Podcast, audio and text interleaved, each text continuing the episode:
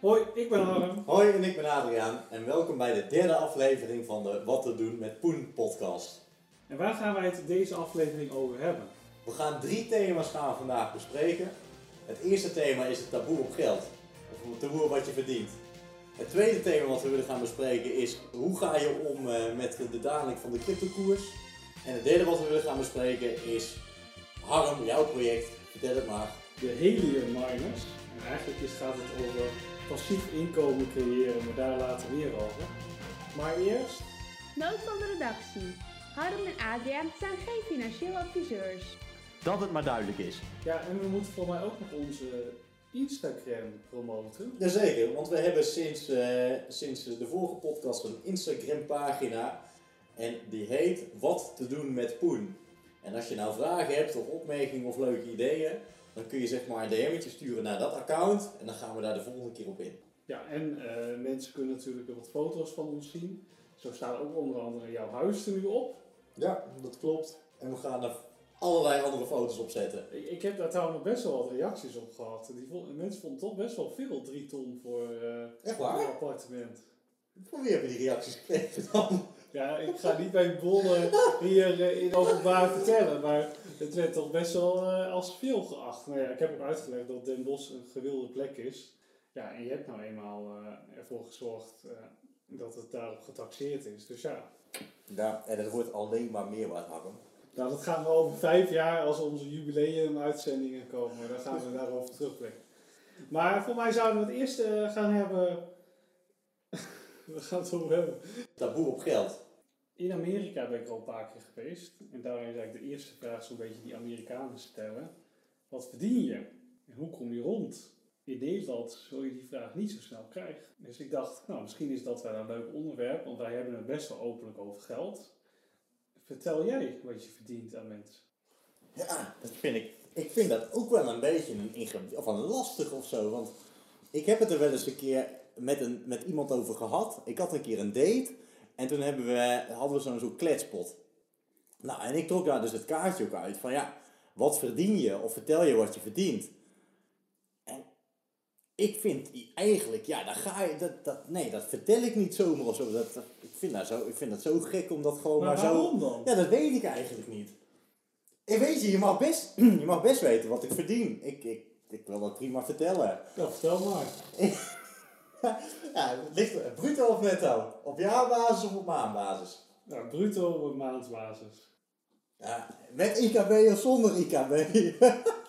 Zonder. zonder, ja, weet ik niet eens. ja, maar is het in de Ik 2000, verdien, ik verdien op 3000? jaarbasis verdien ik 60.000 euro. Ik verdien... Nee, ja, bruto. 60.000 bruto per jaar. Nou, dus dan is het 5.000 euro bruto per maand. En daar zit dan alles bij. Ja, wel, want 5 keer 12 is 60. En daar zit dan alles bij. Er zit een dertiende maand in, er zit vakantiegeld zit erbij in. Nou, dat zit er allemaal, dat is dat IKB zeg maar. Dus dan hou je, nou ja, en als ik dan, eh, wat ik netto verdien, want ik laat ook een deel van dat eh, IKB uitbetalen, is 3000 euro, iets meer dan 3000 euro netto per maand. Dat verdien ik. En jij dan, Harm? Nou, Ik denk dat jij hetzelfde verdient, of niet? Eh, ja, ik, ik weet niet hoeveel precies dat eh, is in, in totaliteit, maar ik zit volgens mij op 4200 bruto in de maand, exclusief IKB. Eh, en eh, ik krijg netto zonder IKB 2900 nog wat uitbetaald. Dus ja, dat is best wel een redelijk inkomen. En ik ben op zich daar best wel open over. Want kijk, wij zijn beide ambtenaren. Iedereen kan gewoon de gemeenteschade inzien. Ja. Eh, je weet eh, gewoon eigenlijk wel al bij, hè, als je iemand mailt bij ons in de organisatie, dan zie je al een soort functie daarachter zitten. En die, die zijn ook vaak gekoppeld aan schade. Dus ja, je kunt heel snel achterhalen wat iemand verdient. En dan de enige vraag die je dan er open hebt staan is, in welke periode zitten ze dan? Hè? Want ja. er zijn, er zijn iets van 18 schalen. En elke schaal kent weer iets van 10 periodes. En vaak is het nou, als iemand 10 jaar of langer al bij de gemeente werkt, of überhaupt al iets ouder is, kun je van uitgaan dus je dat ze op kunt- het einde van de schaal zitten. Je kunt het gewoon inderdaad, bij ons kun je het gewoon zien. Maar het is, het is voor andere mensen, ik weet niet. Ik, eh, en we verdienen gewoon op zich voor ons leven echt gewoon heel veel geld. Ja. ik kan me ook zo voorstellen als je gewoon wat minder verdient, dat je het ook minder snel zegt. Dat er misschien iets van een schaamte onder zit of zo. Ik weet het niet.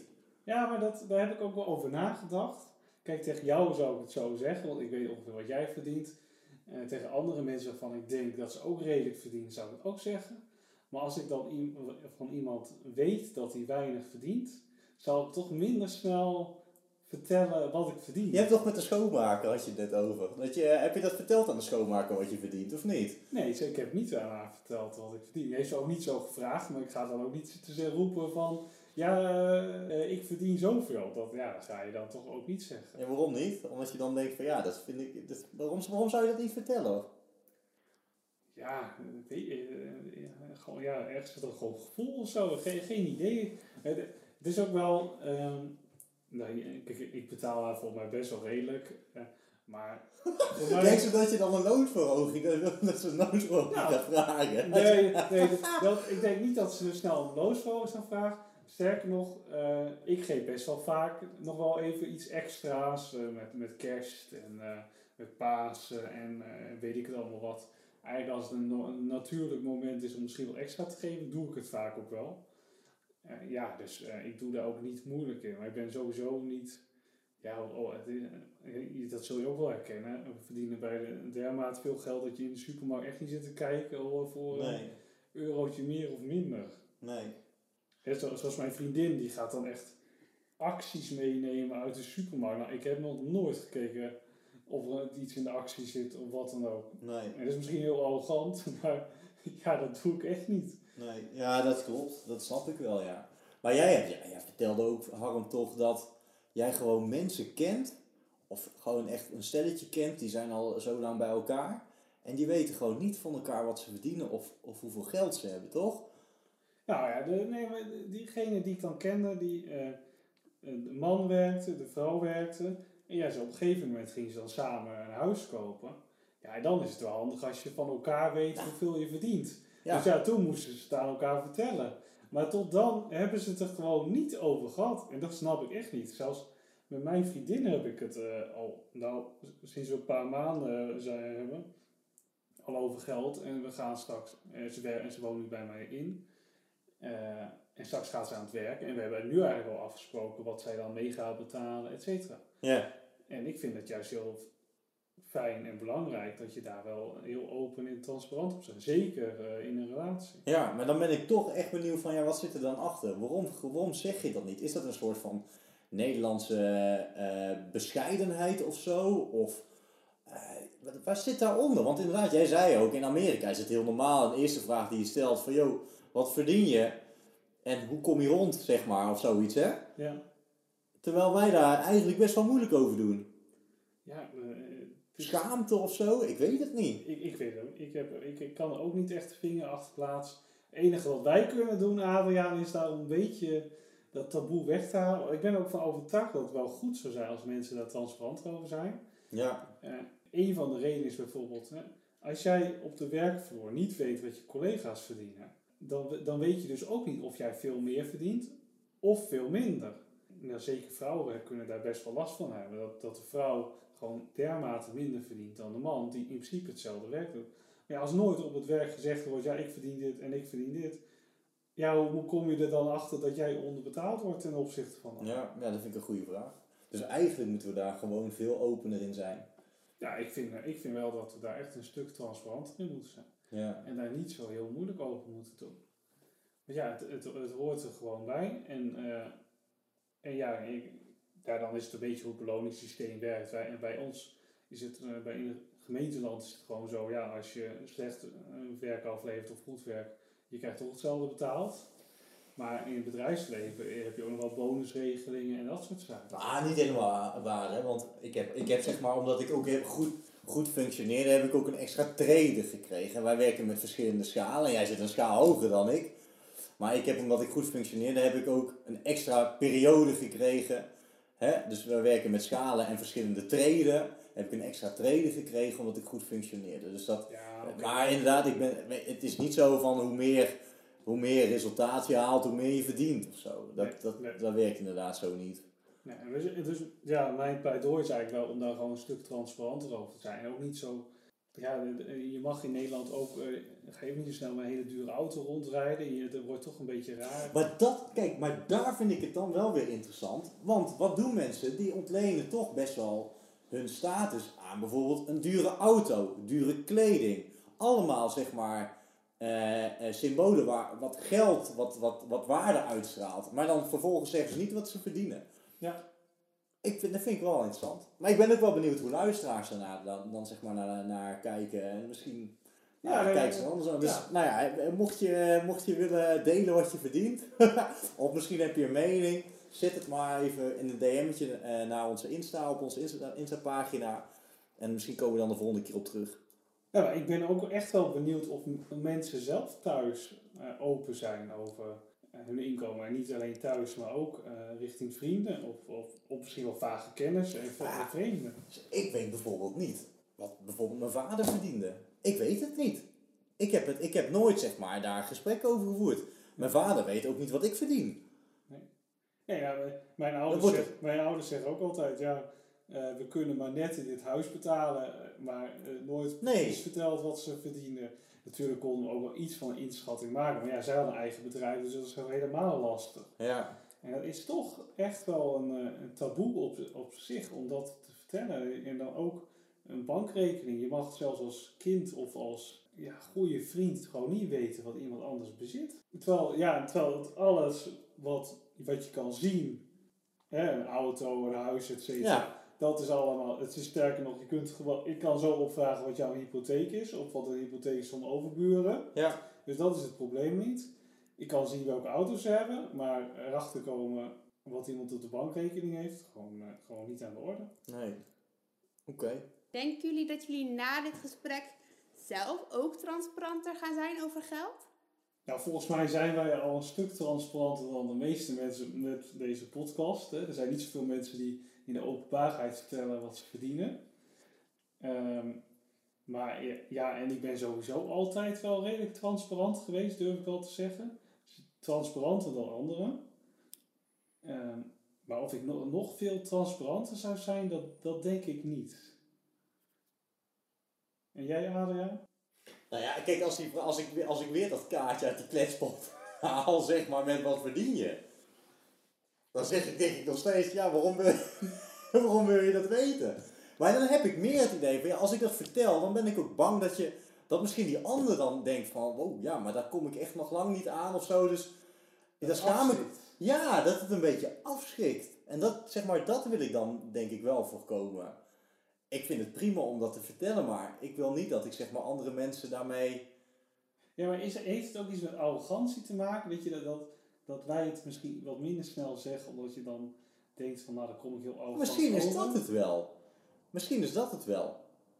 Dat je, dat je bijna te, ervoor schaamt. Dat je, nou, dat je denkt van, nou ja, ik verdien eigenlijk toch best wel, echt wel redelijk veel geld. Ja. Moet je luisteren, ik, heb, ik had, zeg maar, met de, toen ik met de bank eh, eh, ging spreken over een hypotheek, toen zei de bank ook tegen mij, joh, wat verdien je? Ik zei, nou ja, ik verdien 60, dat zei ik net. Ik, ik- wat is jouw bruto jaar, jaarinkomen? Ja, salaris, het is 60.000 euro per maand. En- Per jaar. Oh, per, per, per, maar per jaar. En toen zei de bank echt, jeetje, maar wat doe je dan? Ik zeg, ja, ik, ik ben projectleider bij de gemeente. Hij zegt, nou, dan verdien je echt wel serieus veel geld. En dan is dat niet zo, ja, dan, ik wil, nou ja, dat, dat, daar sta je dan misschien niet zo bij stil, maar dan, misschien is dat het ook wel. Dat, dat, je dan, dat mensen zeggen, yo, wow, wat veel, wat veel geld. En dat je denkt van, nou, dan zeg ik het maar niet, dan, dan blijf ik wat normaler. Ja, en dit went ook heel erg, hè. Want wij, wij- wij- je kijkt eigenlijk alleen maar, wat zou je nog meer kunnen verdienen? Maar, Nou, we hebben ook die podcast. ja, maar wij, wij beseffen eigenlijk niet eh, hoeveel beter je het al in elk geval financieel hebt Ja. eh, dan anderen. Ja. Ook van onze, en zeker van onze leeftijd. Dus ja, dat is, ik denk dat het wel een onderwerp is waar eh, ook wel luisteraars op willen reageren. Ik denk dat we daar nog wel in de toekomst nog een keer op terug moeten komen. En ik denk dat het een leuk onderwerp voor een volgende keer is of je dan ook vertelt wat je op de spaarrekening hebt staan. Nu hebben we het alleen maar eigenlijk over inkomen, maar je hebt ook nog spaarrekening. Ja. Dus eh, dit is dan een mooie teaser, denk ik. eh. Nou ja, en over eh, spaarrekening gesproken. mijn potentiële spaarrekening crypto is wel wat gezakt. Ja, die van mij. Dat is, dat is, misschien is dit een mooi bruggetje naar onder, onderdeel 2. Ik merk, want we zitten dan in zo'n crypto of een appje, appgroepje over crypto. En nu zeg maar, hoe lang is die, die, die, die dip nu? Een, week of twee? Ik denk, of drie. bij het- de opname van onze vorige podcast. Toen is het gecrashed. Ja. Nou, dat zeg maar, het aantal appjes echt met de helft is verminderd. Of het gaat over andere dingen dan over crypto. Dus ja. je kunt het zo erg werken, joh. Ja, je, je hebt ook van die plaatjes op eh, internet. Eh, heb je zeg maar twee loketten. En dan voor boven het ene loket staat Bitcoin 60.000 dollar. En dan staat er een hele rij om dat Ja. te kopen. En dan Bitcoin 30.000 dollar. En daar staat dan niemand voor. Nee. Terwijl, ja, als je naar een winkelstraat zou gaan en dus je zou de helft korting krijgen op een, een of ander eh, product, dan staat iedereen ervoor in de rij. Maar als. Bitcoin daalt, dan Niemand heeft niemand meer interesse in. Ja, maar dat is precies waar we het volgens mij de vorige keer over hebben gehad. Namelijk, je gaat niet kopen als er iets laag staat of als iets dalende is. Hè? En, maar je koopt pas als het echt stijgende lijn is en dan wil je zeg maar instappen. Omdat je mee wil liften. Dat is gewoon een soort van mindset of zo die mensen hebben. Ja. En, en ook hier weer. Ik heb ook, ik heb ook tegen jou gezegd, "Han, nou misschien moet ik maar alles gaan verkopen. Terwijl we net die podcast al opgenomen. Ja.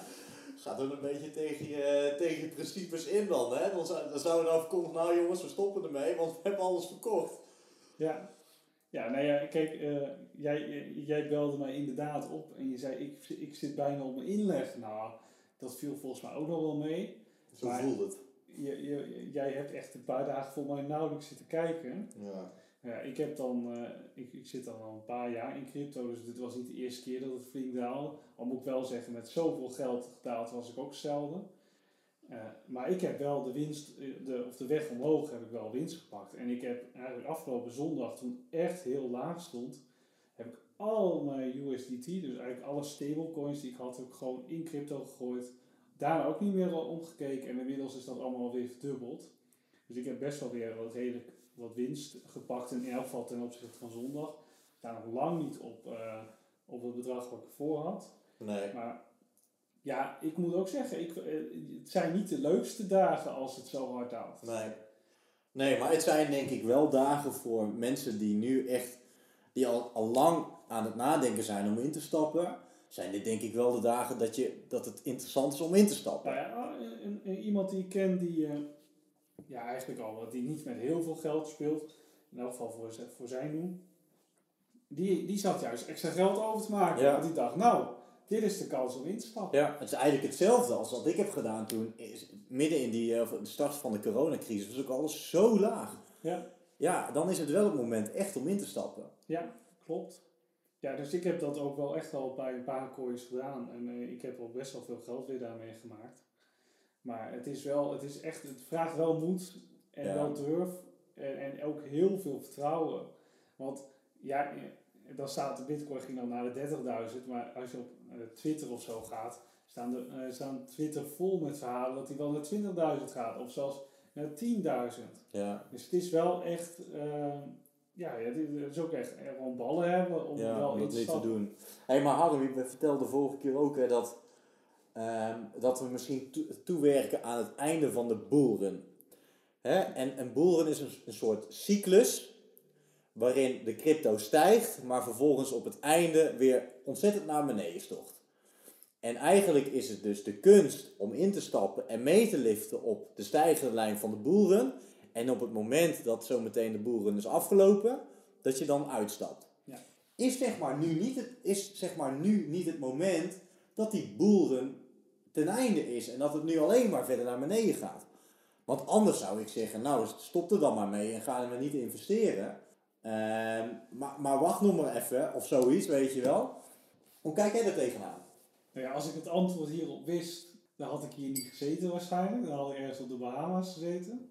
Maar als je kijkt naar eh, de voorspellingen van dan de zogenoemde crypto-experts. Want je kunt zeg maar in het verleden kijken van hoe lang hebben die bullruns geduurd. En dan hebben wij nog minimaal 4 tot 8 maanden te gaan op dit moment. En ook in de vorige, vorige bullruns waren ook crashes van 30, 40 procent. Die kwamen gewoon voor. Ja. Want het, de markt is in wezen heel simpel. Het stijgt, stijgt, stijgt. Mensen stappen telkens meer in. Dan crasht het. En dan ben je zogenaamde, de zogenaamde zwakke, eh, handen kwijt. Dus dat zijn de mensen die dan op het laatst zijn ingestapt. En die betalen eigenlijk alle anderen. En dan, en dan zijn al die mensen die, dan, die hebben dan weer met winst eh, of met verlies verkocht. En dan gaat het weer omhoog. En dan, gaat het, dan, dan herhaalt hetzelfde rieltje zich weer. Dan worden mensen weer enthousiast, gaan weer kopen, daalt het weer hard. En dan de mensen die op top gekocht hebben, die gaan weer, eh, die verkopen het weer. Want Ja. ja, onze winsten moeten ergens vandaan komen. Ja. En dat zijn juist van die mensen die op het laatste moment instappen. Precies. Dus, dus eigenlijk als we een voorzichtige voorspelling moeten doen, dan is dit niet het einde van de bullrun. En is het eigenlijk ook een goed moment voor starters om in te stappen. Absoluut, daar ben ik wel van overtuigd. Sterker nog, vandaag werd ook nog bekend dat Apple vacature open heeft staan voor een crypto-functie bij hun bedrijf. En eh, ja, dat voedt alleen maar de geruchten dat zij ook instappen. En ja, als Apple instapt, dan ben je gegarandeerd van nog een flinke stijging. Oké. Instappen dus. Ja, maar wel op de manier zoals we in de vorige podcast hebben verteld. Juist. Ik denk dat we nu moeten overgaan tot ons derde onderwerp. Wat is dat? De helium miners. Oeh jee. Ja, Harm. Nou, pak je podium zou ik zeggen, joh. Dat is jouw, eh, jouw pakje Jan. Ja, de helium miners. Ik, eh, voor onze luisteraars, het is eigenlijk eh, niks meer dan een eh, soort doosje van 10 bij 10 eh, centimeter.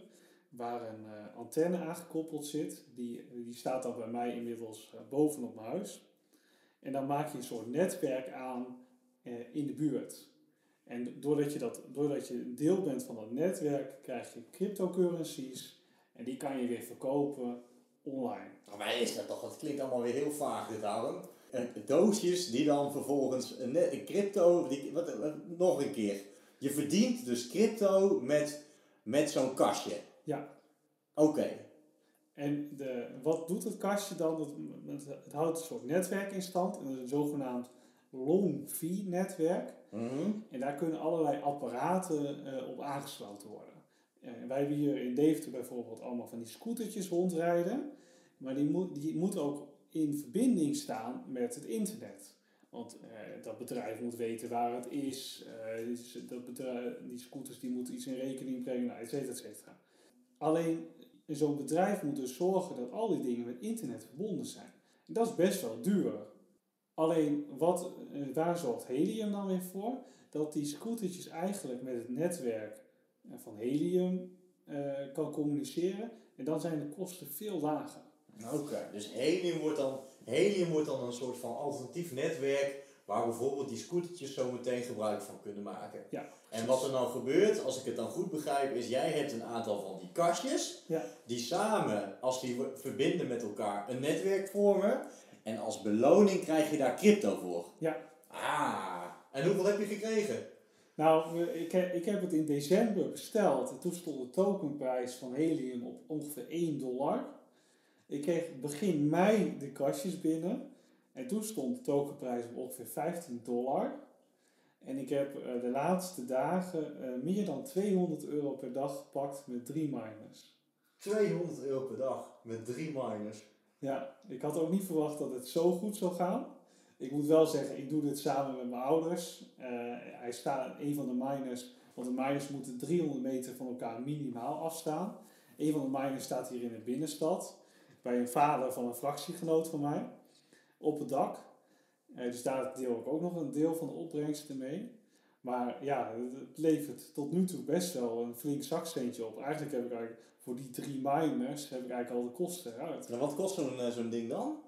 Ja, ik heb er destijds iets van 400 euro voor betaald per stuk. Maar ik, moet, ik heb ook nog eh, kabels gekocht en van alles en nog wat. Dus ik denk dat ik 700, 800 euro per kastje al kwijt ben. En de vorige keer dat ik hier kwam, ik denk, wat is dat toch? Een of andere halve PVC-buis die ik daar zag liggen. Maar dat is gewoon die antenne. Dat is gewoon een antenne van een halve meter. dat klopt. ja, die staat nu op het dak. Ja, op zich is dat ook nog wel een verhaal. Ik ging dat dus op het dak zetten. Hè. Ja, en ik ben echt zo niet technisch als pest. Dus ik had een ladder opgehaald eh, bij mijn vader en, en Linda, mijn vriendin, die zat al te klagen van, kun je dat wel?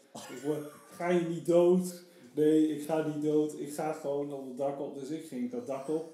En toen dacht ik, shit, dit is nog best wel stel. Dit gaat me nooit lukken. dus toen zei ik tegen mijn vriendin, nou, ik ga wel op de zijkant, want eh, dan, want, eh, ik woon, eh, het is allemaal, ik woon zeg maar in een tussenwoning, dus dan kon ik tussen, tussen de twee huizen, dan kon, als ik dan viel, kon ik nooit heel ver vallen, zeg maar. Dus toen stond ik in het grote tussen de twee huizen en toen moest ik nog twee meter omhoog. Maar het was, ja, het heeft alleen maar geregend deze maand, dus het was hartstikke glibberig. Dus ik daar uiteindelijk met mijn eh, sokken omhoog. Op je sokken. Met mijn sokken omhoog. Ik, Linda die heeft eh, in zo'n klein raampje gezeten en heeft dus ook eh, zeg maar die voet aangegeven die ik dan kon aanpakken en zo bovenop gezet en de duct tape allemaal vastgemaakt. Jongen, jongen, jongen. Dus het is allemaal zo provisorisch als best, maar ja, dat ding heeft al wel, eh, ik denk al minimaal 500 euro opgebracht sinds hij daarop staat. Jeetje. Dus het was wel de moeite waard. Maar het scheelt waarom hè, dat er hier, hier in Deventer, want je hebt die kastjes in Deventer gezet, of die staan in Deventer, daar zijn al een aantal kastjes. Hè, dus hij maakt al een netwerk. En ik heb bijvoorbeeld gekeken in Den Bosch, en nog niemand heeft een kastje. Dus ik kan dan wel een kastje gaan, eh, gaan aanschaffen. Alleen die, die van mij zal nog geen netwerk maken. Dan moet minimaal een ander kastje toch ook in de buurt zijn, waarmee je dan kan verbinden. Nou, de, de spelregel is ongeveer drie kastjes dat je wel nodig hebt om het een beetje eh, lucratief te maken. Maar ik eh, verbind ook met twee in Apeldoorn. En dat is Ah. toch eh 14, 15 kilometer verder. Ah, oké. Dus, eh, en ja, er zijn, er- ik geloof dat er nu 42.000 hotspots wereldwijd staan, met by far de meeste in Amerika. Maar ook best wel veel in Nederland inmiddels. Mhm. En er zijn er geloof ik, eh, zonder overdrijven, meer dan 400.000 in bestelling nu. Jeetje. Dus de hele wereld, eh, in elk geval de westerse wereld, zal wel gevuld worden met deze dingen. Doordat het netwerk dus gigantisch uitbreidt, gaan ook telkens meer bedrijven natuurlijk eh, gebruik Wordt maken die van wordt dienst. super interessant. Maar gaan die, want je zegt wel, het is afhankelijk van de token, van de cryptocurrency op dat moment. Ja. Dus hoe lager die currency is, hoe minder je erop gaat verdienen. Ja. Klopt dat of niet? Dat klopt. Ja. Want het is zeg maar eh, grofweg zo, de- er komen uiteindelijk iets van 250 miljoen helium tokens in omloop. Na 50 jaar, dus daar zit nog wel een hele lange tijd voor voordat je tot het laatste moment komt. Alleen eh, het is ook zo dat, eh, nu komen er geloof ik iets van 2,5 miljoen tokens per maand vrij. Mhm. Wat best wel veel is. Dus dat drukt ook al wel een beetje Precies. de prijs. Maar daartegenover staat dat bedrijven die contracten afsluiten met helium, die moet zijn eigenlijk verplicht om die tokens te kopen. Want met die Ah. tokens kunnen ze weer data kopen.